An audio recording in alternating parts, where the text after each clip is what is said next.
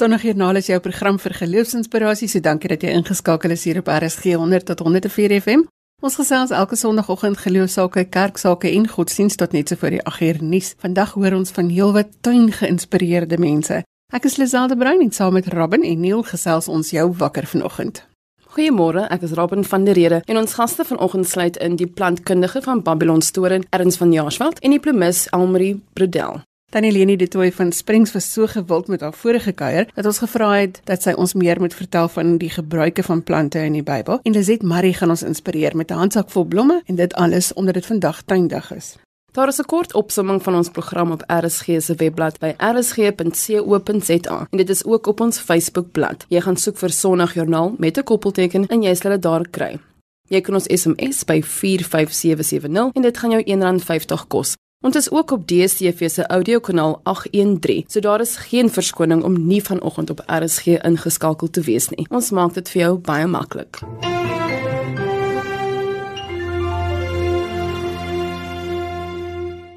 Vandag word tuindag amptelik gevier in Suid-Afrika. So ek hoop jou gras is gesny en jou tafel is gedek vir jou 10uur tee of dat jou mandjie gepak is vir middagete, piknik Ons gesels vanoggend met Erns van Jaarsveld, hy's 'n plantkundige by Babylon Storing oor tuine. Goeiemôre Erns. Goeiemôre Lisel. Hoekom 'n tuindag? Jong, tuinmaak is deel van ons wortels en dit is vandag in Suid-Afrika en wêreldwyd nog steeds die gewildste stokperdjie en almal krap in hulle tuine. Ons gaan as ons van die werk af kom, is ons moeg en dan krap ons bietjie in die tuin, fokus daarop en dit is lekker. En alles het eintlik maar begin en as jy dink Suid-Afrika ook, hoe hy lyk vandag en daarna uitsien, alles het begin met 'n tuin en dis die tuin wat van Riebeek gekom het en dis as gevolg van siek matrose en hulle moes iets doen om hierdie arme siek matrose wat tekort aan Vitamiene C gehad wat skeurbuik gekry het, moes hulle help en hulle toe Tafelbaai besluit en dis hoe dit begin het en van Riebeek het goed boek gehou. Ons weet vandag presies wat hy geplant het en hy het ook Afrika plante aangeplant, baie inheemse goed. En so het vroeg begin en plante teruggestuur Holland toe, veral nuttige plante. Maar van die eerste plante wat wel gebruik was, was toe veldplante om vir die siek matroses, byvoorbeeld veldkool wat genoem het Villa asperge en natuurlik die ou sierings en was ryk aan Vitamiene C. So tuin is in ons bloed en dit is 'n wonderlike uh,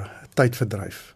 Ernst, jy praat nou van van Riebeek, maar vir ons doeleindes daar was 'n paar tuine in die Bybel ook wat belangrik is en dit is half waar die tuinidee vandaan kom. Dis reg Lisel, tuine hoor jy oral van. Ek het gaan kyk in die Bybel, daar 46 verse in die Bybel waar tuine ingenoem word. En reeds van die begin in Genesis, byvoorbeeld ons lees in Genesis 2 vers 8 Ook het die Here God 'n tuin geplant in Eden in die ooste en daar aan die mense wat hy geformeer het, 'n plek gegee en hy noem die boom van kennis van goed en kwaad en dan die boom van die lewe. En as ons dan deurgaan deur die Ou Testament, sien jy oral kort kort is daar iets van 'n tuin genoem. Of het sy dit was altyd uh, natuurlik gebruik vir voedsel, soms ontspanning in die Ou Testament of waar mense weggekruip het. Dan gaan jy deur na die Nuwe Testament toe. Dan is tuine net so belangrik. Ons lees ook baie van die byvoorbeeld die koninklike paleis se tuin en byvoorbeeld van Ester en Mordegai en die tuine daar. En dan natuurlik die laaste keer wat ons lees in die Nuwe Testament van tuine is die tuin van Getsemane. En dis waar Jesus gekruisig is. Hy het ook baie gaan bid in 'n tuin. Maar dan weer in Openbaring, in die heel laaste hoofstuk, dan lees ons weer van die boom van die lewe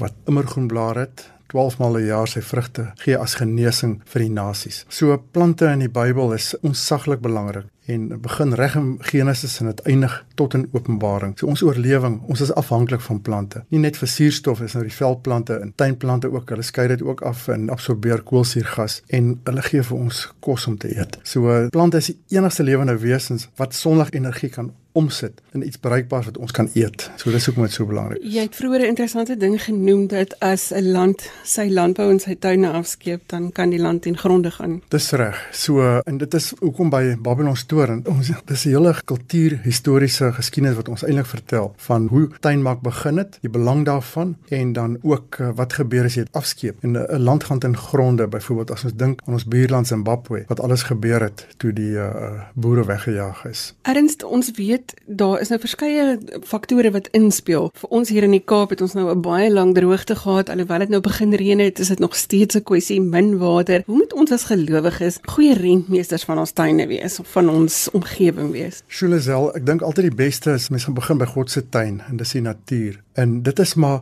om plaaslik inheems aan te plant want hy het die plante so geskep in byvoorbeeld in die Wes-Kaap of, of in ander dele van die land aangepas by heersende klimaat. So die eerste beginsel van waterbesparende tuinmaak is plant plaaslik inheems. As jy jou plaaslike plante het, jou alwyne, vygies, plakkies in grondbedekkers en natuurlik jou bome en struike. Ja, hulle is plaaslik almal pas hulle eers gevestig is, hoef jy nooit weer water te gee nie. En hulle is gemaak dan vir 'n omgewing. Maar ek weet baie van ons mense tuine, ons wortels van tuine kom uit Europa. Was niks verkeerd met Europese tuin maak en rose en die ander goed nie, maar die probleem is, sodra jy baie van hierdie uitheemse eh, plante begin aanplant, dan moet jy ook baie meer water gee om hulle te kan onderhou. So die plaaslike neems die beste uit die veld en is vandag oral beskikbaar. Is tog maar die beste. Ek onthou as 'n kind het ek in Gauteng groot geword en ons het hierdie reuse grasperke gehad waarop jy kon hardloop en speel en hulle was altyd so dik soos 'n matras. Wat maak ons met ons grasperke vandag? En jy's reg, Lisel, ek was in Linden Johannesburg ook op skool daar en dit, dit is reg. Die grasperke drink baie water sou ek sê. En as 'n mens wil begin met waterbesparende beginsels en jy het 'n groot tuin, eerste ding is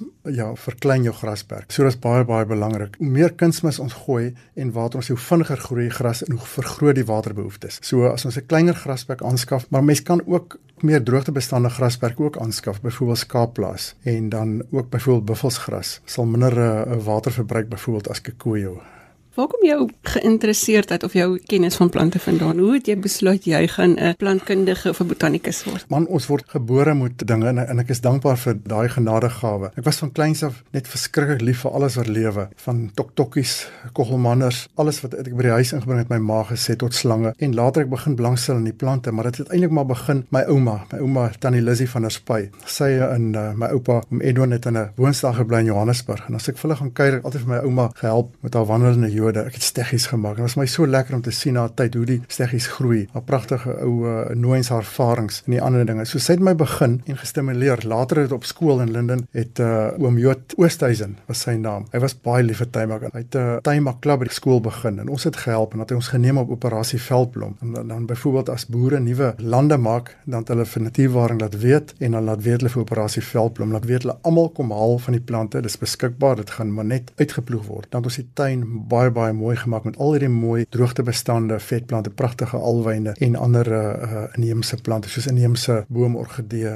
ensovoort. Erns, wat beteken dit vir jou eie geloofslewe om heeldag met hierdie goed te werk, plante wat groei, wat mooi is, wat nou, kleurvol is, is. Dis ek is so dankbaar want ons is so na in die planteryk en die planteryk na in ons in die diereryk. Dit is deel van ons bestaan. Dit is waaroor ek elke dag net dankie sê en elke dag as ek veld toe gaan of in my tuin loop, dan sê ek net vir die Here dankie vir daai genade vir plante om ons wat ons lewens gelukkig maak. Want op baie maniere is vir my lekker om te sien hoe 'n ding groei. Vir my lekker om te wag as ek sien daar kom die eerste blomme uit of ek kan wag vir dit. Of 'n skaars plant wat ek gaan haal dit iewers en ek wag vir hom in om te groei en dan skielik sien jy daar's lewe. En dis daai lewe en dis God gegeewe daai lewe. En dis daai ding dit laat mens siel sommer lekker voel en dan loof ek net die Here en sê dankie. Dankie vir die gawe van lewe en vir uh, om ons en ook ja feit net dat ek kan lewe en die hierdie mooi goed kan ervaar van sy skepping. Plante het nogal die manier om vir ons 'n les te leer nê want jy kan kyk op die vreemdste plekkies. Daar's plante wat deur 'n klippie kan groei, deur 'n skeurtjie. Daar's die minste grond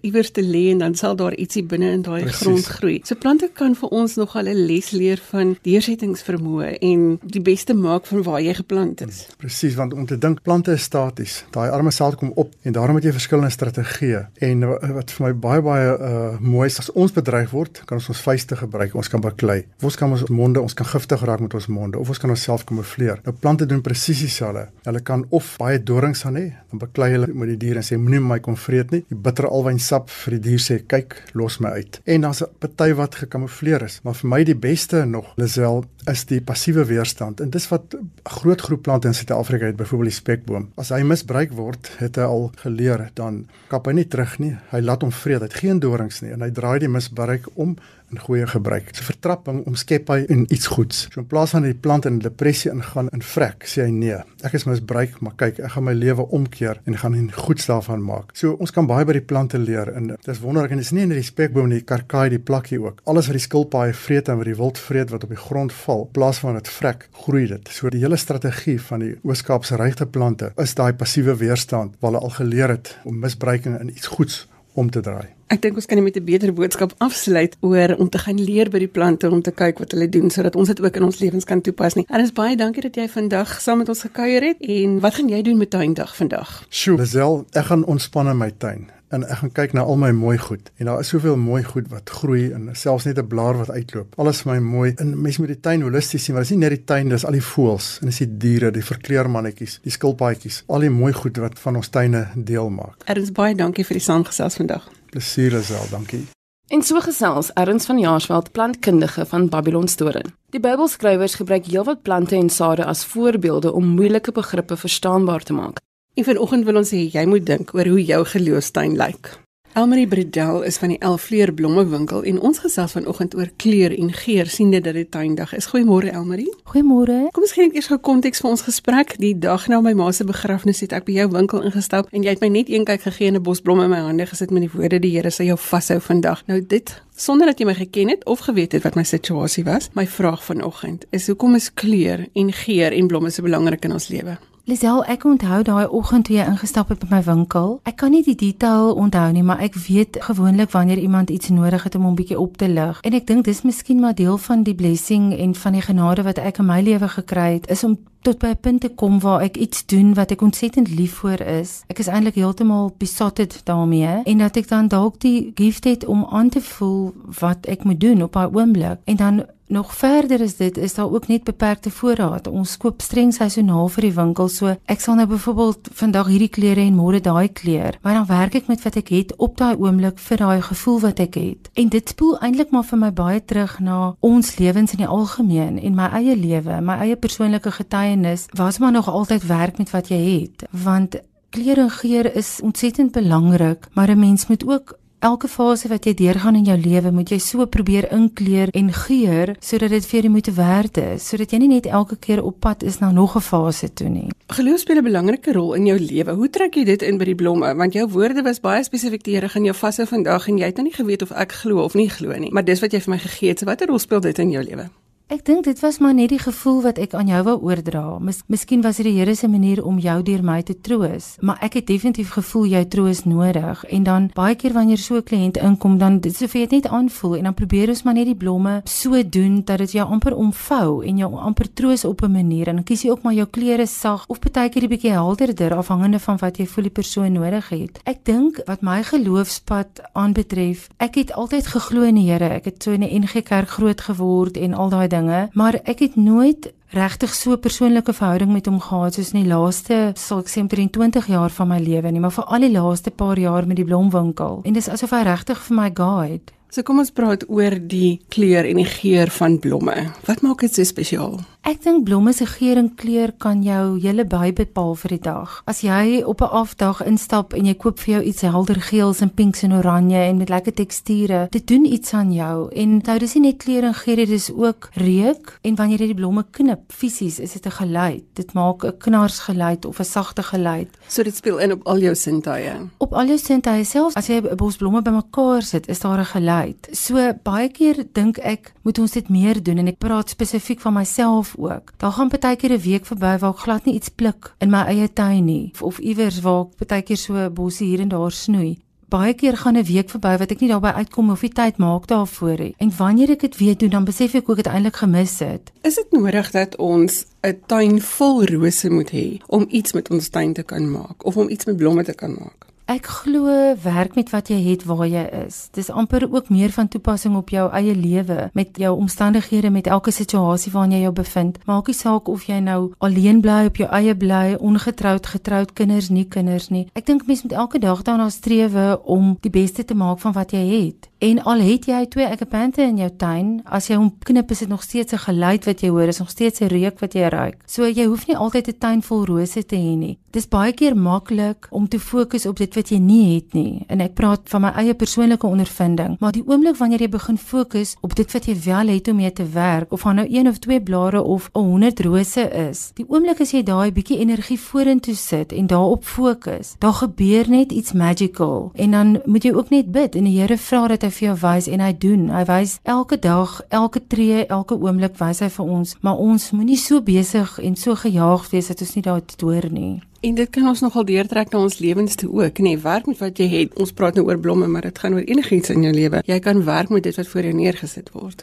Absoluut. Baie keer wat ek baie vir ons kliënte probeer leer en verduidelik is, bou vir jouself in jou huis 'n groen basis. Byvoorbeeld goed soos malva wat wortels skiet van die meer die vetplant tipe families, selfs takke, wilgertakke en gewone boomtakke. Jy sal baie vinnig sien of 'n ding gaan wortels skiet of nie. Dis altyd lekker om flesse vol goed te maak. Dit hoef nie altyd dierbosblomme te wees nie. En dan kan jy dit invul en dan kan jy dit weer verwyder soos wat die blomme doodgaan. Maar ek dink die belangrikste ding is om ook in jou tuin 'n bietjie plant, bietjie doelgerigte plant. Al het jy nie 'n groot tuin nie, al het jy nie baie water nie, al het jy net potte. As jy vir jou bietjie kruie plant, bietjie lavendel en so aan, bietjie van die ou tydse blomme, meestal kruie en dan selfs vetplante. Dit is goedjies wat jy in en uit kan skuif uit jou huis onder 'n glas dome of jy kan dit net so neersit. Daar's baie verskillende maniere. Haal bietjie uit jou kaste al daai bakkies en potte en goed wat weggesteek is. Sit sommer jou groente vir die week in groot glaspotte, jou eie, jou patats ensovoorts en maak vir jou 'n mooi aardse display wat jy kan geniet elke dag. Nou as ek nou vir jou vra om vir my wit bosblomme te maak, stuur jy my na 'n ander blommewinkel toe. Kom ons praat 'n bietjie oor die bymekaar sit van kleur.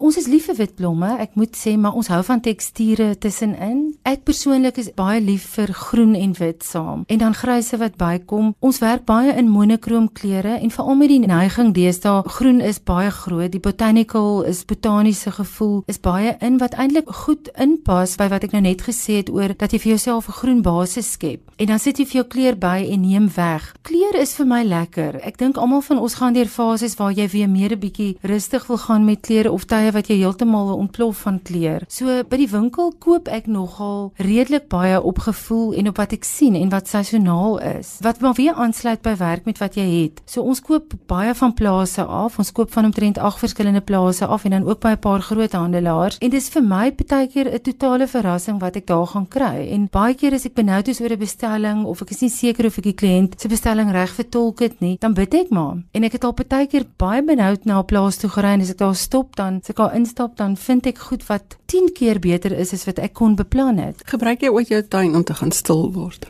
Ja, definitief. Ek is dankbaar dat ek 'n tuin het wat redelik droogtebestand moet bybly, maar ek het 'n klein area waar ek al my gunsteling goed geplant het. En dit is so half my meditasie is soggens vroeg om daar te gaan pluk, wat daar ook al is om te pluk of te snoei en dan as daar nie genoeg is om winkel toe te neem vir 'n rangskikking nie, dan sit ek dit sommer in my eie huis. En dit is nogal ook waar ek die Here aanbid en net dankie sê. Wat kan ons vir die luisteraars sê? Wat kan hulle doen met die drie verdwaalde blomme in hulle tuin as daar nou nie 'n reuse fonds is nie?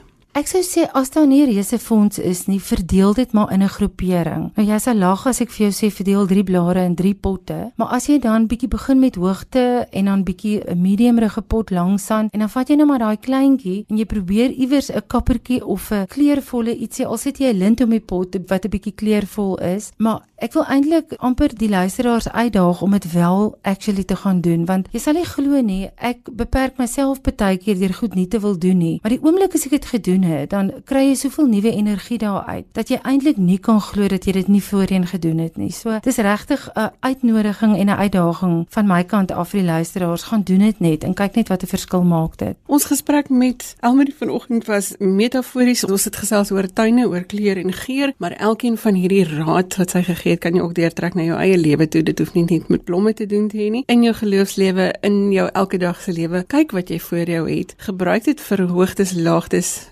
mediums. Sit 'n strikkie daaroor, sit dit in 'n pot, stel dit uit, deel dit met mense, maar gebruik hierdie raad wat ons vanoggend vir jou gegee het op hierdie redelike sonnige tuindag. Elmarie baie dankie vir die saamgesels vanoggend. Baie dankie. Is dan net gesels met die blomkunstenaar Elmarie Bredel. Wat 'n mooi woord vir 'n bloemis.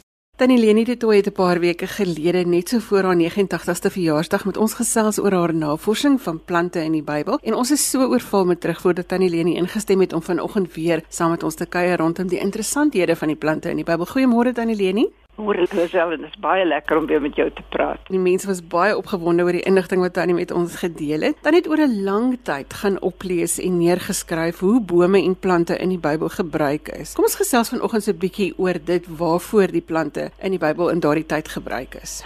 Goed, goed. Ek sal begin by die tamariskboom. Die tamariskboom word so drie keer in die Bybel genoem. Saul het onder 'n tamariskboom gesit in die skaduwee. Want eintlik al die bome in Israel is as vas skaduweebome omdat dit so warm was en mense en diere het nou maar daar skuilings gesoek. En hy's ook begrawe onder 'n tamariskboom. Maar die eintlike wat vir my eintlik wonderlik is van die tamariskboom is dat Abraham en Abimelek het 'n verbond gesluit. En toe het Abraham 'n tamariskboom gaan plant om hom altyd daaraan te herinner dat hy daardie verbond gesluit het. En ons doen dit vandag nog ons plant bome vir gebeurtenisse of om mense te gedenk. In ons eie familie is dit so my oudste kleinseun is oorlede op 23 jarige ouderdom en sy ouers plant nog elke jaar 'n boom om aan hom te dink. Dan die volgende boom is 'n doringboom en dit is bome wat baie volop moet nie eintlik sê volop nie, maar daar is baie doringbome in Israel. Dit is inheems en dit groei so rondom die Sinai woestyn en die hout is baie hard en dit word baie gebruik soos om goeder te bou en dit doen byvoorbeeld toe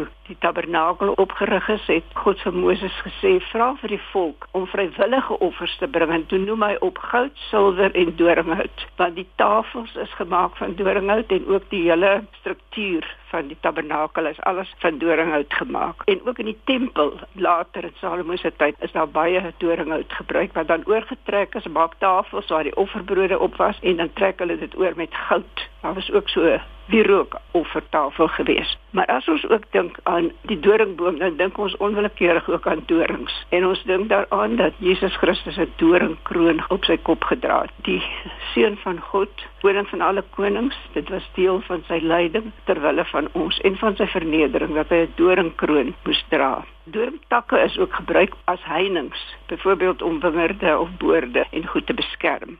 Dan wierook. Ek het nou al die mense weet dat wierook ook van 'n boom afkom nie. Hulle maak so 'n insnyding in die stam en dan tap hulle die sap en dan word dit hard soos hars en dan word dit verkoop. Dit was baie duur. En daardie hars, as jy dit dan wil gebruik, moet dit weer fyn gemaak word en dit is dan aan die brand gesteek om daardie heerlike geur ook vry te laat. Een van die mooiste tekste in die Bybel eintlik vir my is waar ons lees in Openbaring dat die gebede van die gelowiges het opgestyg saam met die wierook na die troon van God. En Paulus sê ook: "Julle ons Here se kinders, julle is die wierook wat moet versprei word. Daardie geur moet versprei word oor die hele wêreld vir mense wat die Here ken en die wat ook nie die Here ken nie. So wierook is baie gebruik in godsdienstige rituele. Dit was eintlik die belangrikste gebruik daarvan. Mm, dis interessant dat dit so baie op ons sintuie ingespeel het, net die reuk en die gevoel, die dorings wat jou kan seermaak en al daardie tipe van Wonderlik, dit mm. is so. Dit is so. Ja, nie regtig waar. Dit is dink wierook was een van die geskenke ook wat die manne uit die ooste vir Jesus kindjie gebring het. Goud wierook en mirre. So die, die wierook was ook deel daarvan. En mense dink baie keer die wierook is net 'n heidense gebruik, maar dit is nie. Dit was in daardie tyd was dit 'n godsdienstige gebruik en wierook was 'n baie belangrike deel van die offergawe want wierook het beteken verering en as hulle wierook gebrand het, het hulle daarmee bedoel ons bring eer aan God. So dis eintlik 'n wonderlike ding wat ons miskien vandag nie meer soveel van weet nie. Hmm. En dan iets oor wingerde. In die Bybel word die heel meeste geskrywe oor wingerd. Ek dink dit is seker oor die voedselwaarde daarvan. Ek meen die druiwe en die rosientjies en die wyn en die asyn. Alles goed wat 'n mens kan eet en drink. En dit is baie belangrik vir die mense van daardie tyd gewees. Ons weet Noag het die eerste wingerd geplant en wingerd was vir hulle baie baie belangrik geweest. Die rosientjies is nog af my baie interessant geweest toe ek lees hulle praat van rosientjie koeke en ek het toe so in my gedagte gehad dis nou min of meer soos ons rosientjie brode, maar dit is nie so nie, dit is net rosientjies.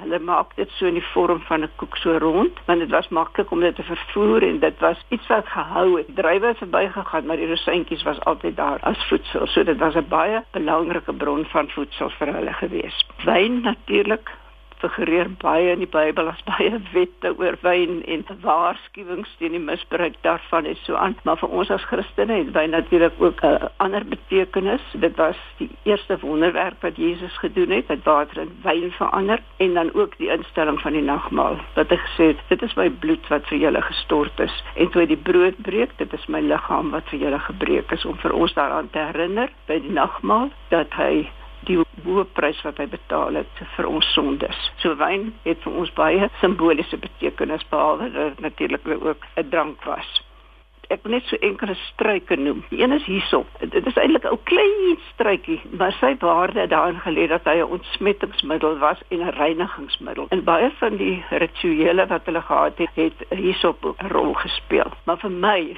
is die mooiste deel van hierso dat Salomo het versies ons in vandag sê gedigte geskrywe oor plante en bome en hy het geskrywe staan so in die Bybel van die magtige seder tot by die nederige hysop wat uit die muur groei. Dit is nie pragtig nie. Dit is regtig 'n baie mooi aanhaling. Ja, en ek ek het net van tevore besef dat Salomo ook gedigte geskrywe het nie. En dan Henna, sy het baie mooi blomme gedra Henna. Hulle het hom soms die bruidsblom van die ooste genoem, maar dit is nie eintlik waarvoor Henna nou bekend was nie. Die blare is gedroog en dan het hulle 'n kleurstof daarvan gemaak. En dit is dan vir skoonheidsmiddels gebruik. Die vroue daai tyd al het hulle hare gekleur daarmee. Die mans het hulle baarde gekleur daarmee. En baie ouens het die maanhare en sterte van hulle pere ook daarmee gekleur. Dit het so lig oranje kleur gehad en as hulle die kleur donkerder wou hê, dan het hulle die wortels van die plant gebruik en daarmee het hulle dan kleurstowwe en leer gekleur. Dit was dan so meer 'n donkerder amper rooi oranje kleur geweest. My interessant dat daai tyd ook al hare gekleur het en baarde gekleur het. Niks onder die aarde is nie nie. Niks is nie. nee, niks is nie, definitief nie. En dan graan is natuurlik baie belangrik. Dit was hulle stapelvoedsel geweest. Nou, daar word vier soorte graansoorte genoem in die Bybel. Dit was koring, gars, sorghum en spelt. Nou 'n uh, koring, uh, weet ons daarvan is 'n brode gebak en uh, dit is ook baie by die offerhandes gebruik. Daar was altyd brood ook by betrokke, die toonbrode of die offerbrode wat op die altare gelê is. Uh, daar was altyd ook wierook en olie en wyn betrokke by die offerhandes en dan was dit hulle stapelvoedsel ook gewees. Gars ook, hulle het ook brode van gars gebak. Dit was ook soms gebruik vir offers en vir veevoer.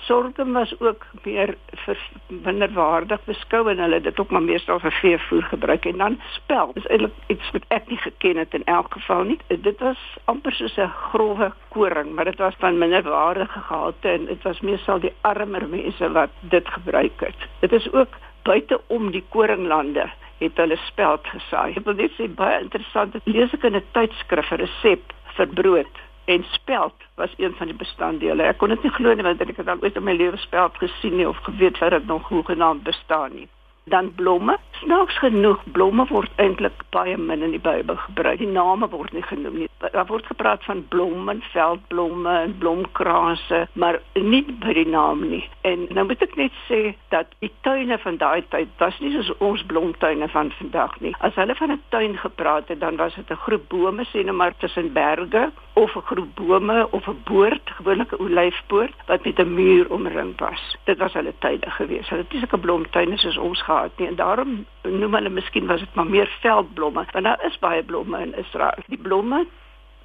wat ons by die naam ken, het ek net een gekry. En in die Ou Testament noem hulle dit 'n narsing, in die ou vertaling noem hulle dit 'n narsing en in die nuwe vertaling noem hulle dit 'n afodil. So in werklikheid word net een blomnaam genoem, naamlik die afodil. Hulle praat van lelies. By die ou vertaling sê die roos van Saron, die nuwe vertaling sê nee, die lelie van Saron, want hulle het nie geweet of daai tyd daar al rose was nie. En ons weet ook nie wat 'n soort lelie dit is nie. Kyk na die lelies van die veld. Ons weet nie wat 'n soort lelies dit is nie. So al blomme wat nou by die naam genoem het is soos bloeisels. Ons weet van amandelbloeisels. En dit is nogal baie gebruik as motief vir houtsneewerk. By die tempel het hulle baie amandelbloeisels in houtsneewerk gedoen op die pilare en die deure en selfs op die mure van die tempel. Tannie Leni, ons vier nou vandag tuindag. Ek wil baie graag nog met Tannie praat oor die gelykenisse en hoe plante daarin gebruik was. So ek hoop Tannie gaan vandag 'n bietjie in die tuin kuier saam met ons almal hier op tuindag en dat Tannie ook Tannie se eie tuin lekker sal geniet. Ja, ek wil net sê dat ek wens vir julle 'n wonderlike wonderlike tuindag toe en dat julle ook sal onthou waaroor die eerste tuindag gemaak is om diere daar te ontmoet en dat julle ook nader aan julle Skepper sal kom in in julle tuine en dat almal van ons se lewe sal wees soos 'n boom geplant by waterstrome wat sy vrugte op sy tyd dra terwyl dit van eer en verheerliking van ons hemelse Vader. En ek moet dit sê terwyl van ons orrelis ek het vir hom beloof ek sal dit noem dat as daar slegte tye kom en daar gaan slegte tye kom, dit gaan ryp daar gaan droogtes wees, daar gaan peste en plaae in ons tuine wees, maar dat ons dan saam met Habakuk sal kan sê al is daar nie 'n oes nie, al bot die wingerde nie en al is daar niks nie, nogtans sal ons jubel in die Here. Ons wens vir 'n baie vredevolle en vreugdevolle tuindag toe. Baie dankie Tannie Leni, dankie vir die saamgesels. Tannie Leni de Tooy is 'n voorbeeld vir ons almal. Ek is nou sommer geïnspireerd om na plante en bome in die Bybel te gaan soek. Jy luister na Sondagjoernaal vir die wat sopas by ons aangesluit het. Ons gesels met mense oor hulle leefwêreld en hoe geloof 'n verskil maak. Jy kan saamgesels op ons SMS-lyn by 45770 teen R1.50 per SMS of gaan los vir ons 'n boodskap op Sondagjoernaal se Facebook bladsy. Jy sal sommer ook ons gaste se detail daar kry. Lisel het by Liset Marie en haar tuin gaan kuier vir inspirasie. Kom ons hoor waar het hulle gesels. Lizet Marie is 'n ma en 'n ouma en 'n skrywer en ons ken haar van al haar inspirasiewerke wat sy met ons deel. Vanoggend kuier ons hier in haar tuin, 'n heerlike sonnige dag. Lizet, goeiemôre en baie dankie dat jy saam met ons gesels. Môre Lisel, baie dankie. Dit is sommer lekker dat jy hier by my is, hoor. Ons gesels vandag tuin en blomme hier in Oktober maand wanneer die son nou hier by ons begin skyn. Geef ons 'n bietjie inspirasie oor tuin saam met jou ronddra? Ja, Lisel, ek het eendag 'n wonderlike iets gelees van 'n invalide vrou. Haar vriendinne het van haar gesê sy dra 'n blomtuin in haar handsak. En dit was vir my so mooi want eintlik wat hulle daarmee gesê het, is dat sy hoop en geloof en liefde en hierdie son in haar binnekant uitdra al kan sy self nie loop nie. En ek dink dis iets wat ek wil graag hê mense moet dit van my kan sê dat ek 'n blomtuin in my handsak dra. Kom ons pak 'n bietjie hierdie geloofshandsak van ons uit. Ja, as ek nou by my kinders kan begin, ek dink dat elkeen van ons se kinders, hulle grawe in hierdie handsak. En as mens 'n ou kleintjie, as mens nou net aan 'n klein kind dink jy vat 'n babietjie na 'n speelgroepie of na 'n kleuterskool toe en in hierdie handsak wil ek dan by al hierdie bottels en doeke en ou speelgoedjies wil ek daardie geborgenheid vir hulle saamgee van ek gee om ek is regtig lief vir jou dat hulle dit die hele dag weet terwyl hulle dan by hierdie groepie is. En as ek nou dink aan my laerskoolkind jy weet hulle sakke is vol broodjies en werkstake en sporttoerusting en hulle het baie keer op laerskool hierdie ding van is ek goed genoeg en hulle moet dit wil ek vir hulle saamgee jy is genoeg nie eers goed genoeg nie. Jy is genoeg net soos jy is, omdat hier hierdie prestasie ding is. En hulle moet net weet ongeag ek is lief vir jou. So dit is wat my aanbetref die heel belangrikste ding. En dan saam daarmee, jy weet is daar 'n wonderlike ding wat Albert Camus gesê het, die Franse filosoof. Hy het gesê in die middel van 'n winter dra ek 'n somer in my rond en dit sou ek dan vir al my kinders, klein, groot, almal wil gee. En dan vir daai tiener wat hierdie ongeërgdheid het, wat maak of hy alles weet en jy weet sommer net self kan regkom. Daar's 'n kwesbaarheid in daai kind en vir hom wil ek sê, ek vertrou jou. Dit is een van die groot goed vir 'n tiener dat my ma my vertrou en liefde. Ag, ek wil eintlik in elkeen se handsak daai liefde inpak. Ja, en dan oorkoepelend gebed, jy weet, ons kan dit nie genoeg nie. In elkeen van daai, ek wil amper sê in 'n ritsakkie, in 'n sysakkie, in 'n binnesakkie, oral wil ek vol prop met gebed vir hierdie kinders. Want ons dink eintlik soms ons weet beter as die Here want dit is ons kinders. So ons weet hoe om hulle groot te maak. So wanneer ons bid dan bid ons so eendimensioneel. Ek bid hiervoor so asseblief tog dat my kind hierdie eksamen baie goed doen. Dis 'n een eenlynige gebed moet net een antwoord. Maar God se seën strek verder. Hy wil vir ons op die ouend groot seën, nie noodwendig met daardie antwoord nie, maar met dit wat hy dink wat die beste vir ons gaan wees. So dit wil ek op die ouend vir hulle almal saamgee. Ek het gelees van 'n pa wat saans by sy kinders se beddens staan en dan Psalm 91 vir hulle toebid. Dis my so mooi elke aand dan bid hy. Hy wat by die allerhoogste skuilings vind en die beskerming van die Almagtige geniet. Hy sê vir die Here: U is my toevlug en my veilige vesting, my God op wie ek vertrou. Dink dis die seën wat ons vir hulle moet toebid.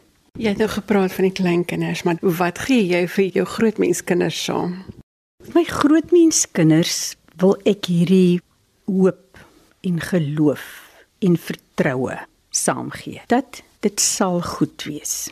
Hulle stap 'n toekoms in wat nie altyd rooskleurig is nie. So ek wil eintlik vir hulle hierdie handsak met blomme saamgee. Iets van daardie gebed wat Paulus ook vir Timoteus gebid het. Ek dink dit is in 2 Timoteus waar hy so mooi sê: "Maar jy bly by wat jy geleer het en wat jy vasglo. Jy weet tog wie jou leermeesters was en jy ken van kleins af die Heilige Skrif. Ek dink as ons mooi dink, dan is dit wat ons vir ons kinders wil saamgee. Nie voorspoed en seëninge op uiterlike vlak nie, maar dat hulle sal bly by wat hulle geleer het en dat deel daarvan sal wees hierdie as hulle dink aan 'n ma en 'n pa wat hulle grootgemaak het, dat hulle die vertroue sal hê dat hulle die son sal sien skyn, dat hulle blomme sal sien as mens dan nou so nie filosofies wil wees nie, maar nou simbolies wil praat. As ek kan afsluit Lisel, dan is daar 'n pragtige stukkie wat Karina Stander een keer geskryf het oor haar seentjie Aden wat toe 4 jaar oud was. Hy het eendag vir haar so met dromerige oë gekyk en toe sê hy: "Mamma, ek wil 'n storie skryf. Dit gaan 'n storie wees van toe God lief was vir die hele wêreld. Ek skryf die storie met my asem."